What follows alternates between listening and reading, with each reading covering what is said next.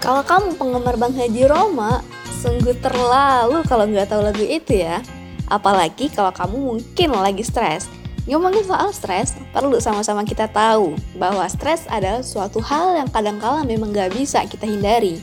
Apalagi di kondisi pandemi kayak gini nih.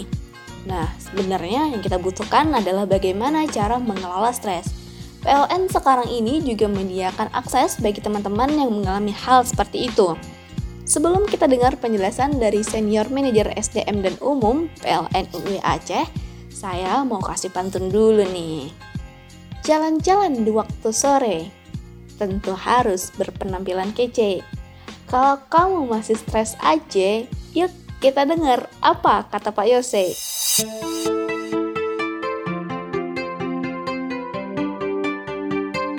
Pandemi COVID-19 telah mengubah banyak hal di kehidupan kita. Mulai dari kebiasaan kecil seperti rutin cuci tangan dan selalu menggunakan masker apabila ketika harus beraktivitas di luar rumah. Sampai perubahan sewaktu melaksanakan proses pekerjaan, contohnya bekerja dengan sistem work for home atau WFA. Berbagai perubahan yang muncul belakang ini pasti bikin perasaan kita galau nggak menentu, seperti tiba-tiba ngerasa khawatir sama kondisi kesehatan, dan ketentuan pemerintah yang melarang masyarakat buat mudik. Jadinya nggak bisa berjumpa dengan keluarga dan sanak saudara. Semua itu bisa menjadi tekanan psikologis buat kita sehingga memunculkan stres.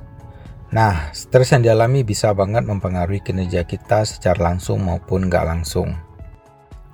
Perlu sama-sama kita sadari bahwa stres adalah suatu hal yang kadang kala nggak bisa terhindarkan.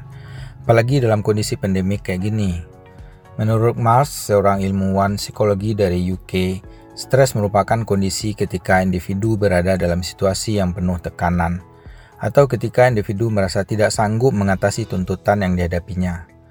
Selain bisa memberi impak ke kinerja, stres juga bisa berakibat buruk ke kesehatan dan kebahagiaan diri.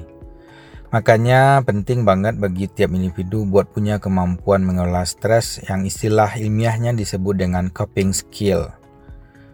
Kalau individu sudah melakukan coping dengan baik, maka efeknya mampu meningkatkan imunitas dan kesejahteraan mental.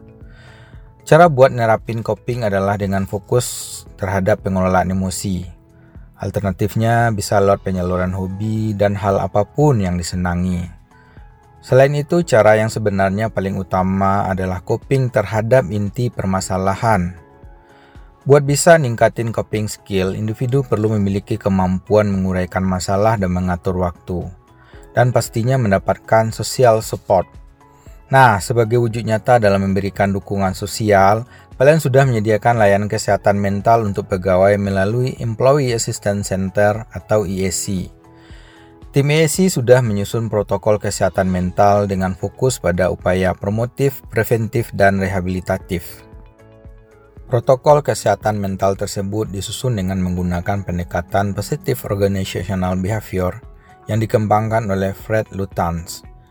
Pendekatan ini merupakan hasil studi dan penerapan yang berorientasi terhadap kekuatan individu dan kapasitas psikologis di suatu organisasi.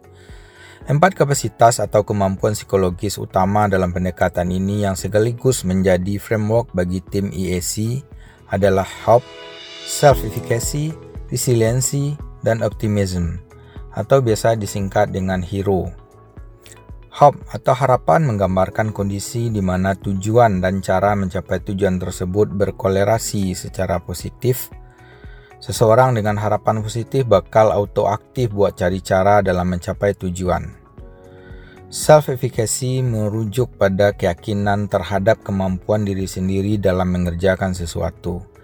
Keyakinan seseorang terhadap kemampuan dirinya dan sumber daya yang dimiliki itu menjadi sumber motivasi awal yang bisa mendorong seseorang untuk mencapai tujuan yang diharapkan.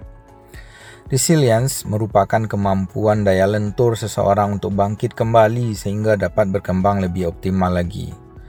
Setiap orang pasti pernah mengalami kegagalan, penolakan, ataupun berbagai situasi tidak menyenangkan lainnya.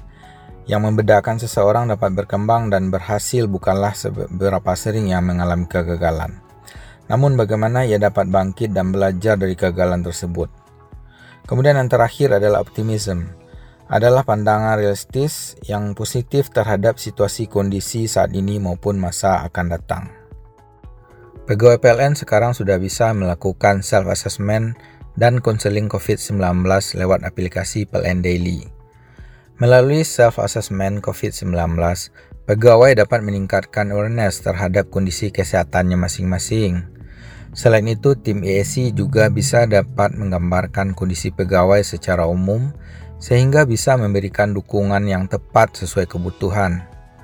Kemudian melalui fitur konseling COVID-19, pegawai dapat berkonsultasi dengan konselor internal dan eksternal yang kompeten dengan jaminan kerahasiaan sesuai kode etik. Jadi nggak perlu khawatir, Cafe Konseling sekarang ini berfokus pada pendampingan psikologis dalam situasi pandemi COVID-19. Kedua fitur baru dalam PLN Daily tersebut merupakan bagian kecil dari rangkaian protokol kesehatan mental yang disusun oleh tim ESC. Gak cuma itu, berbagai program lain juga sudah disiapin oleh tim ESC melalui koordinasi dengan banyak pihak untuk mengoptimalkan kapasitas hero bagi seluruh pegawai PLN. Salah satu yang paling hits adalah ESC Series untuk berbagi informasi dari berbagai narasumber yang kompeten di bidangnya.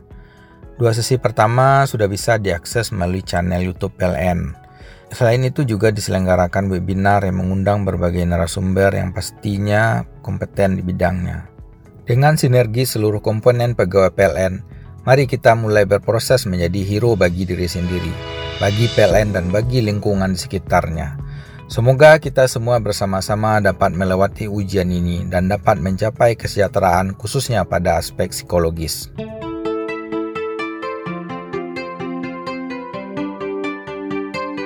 Nah, udah denger kan apa kata Pak Yose? Semoga bisa membantu kamu ya untuk mengurangi beban stres yang ada sekarang ini.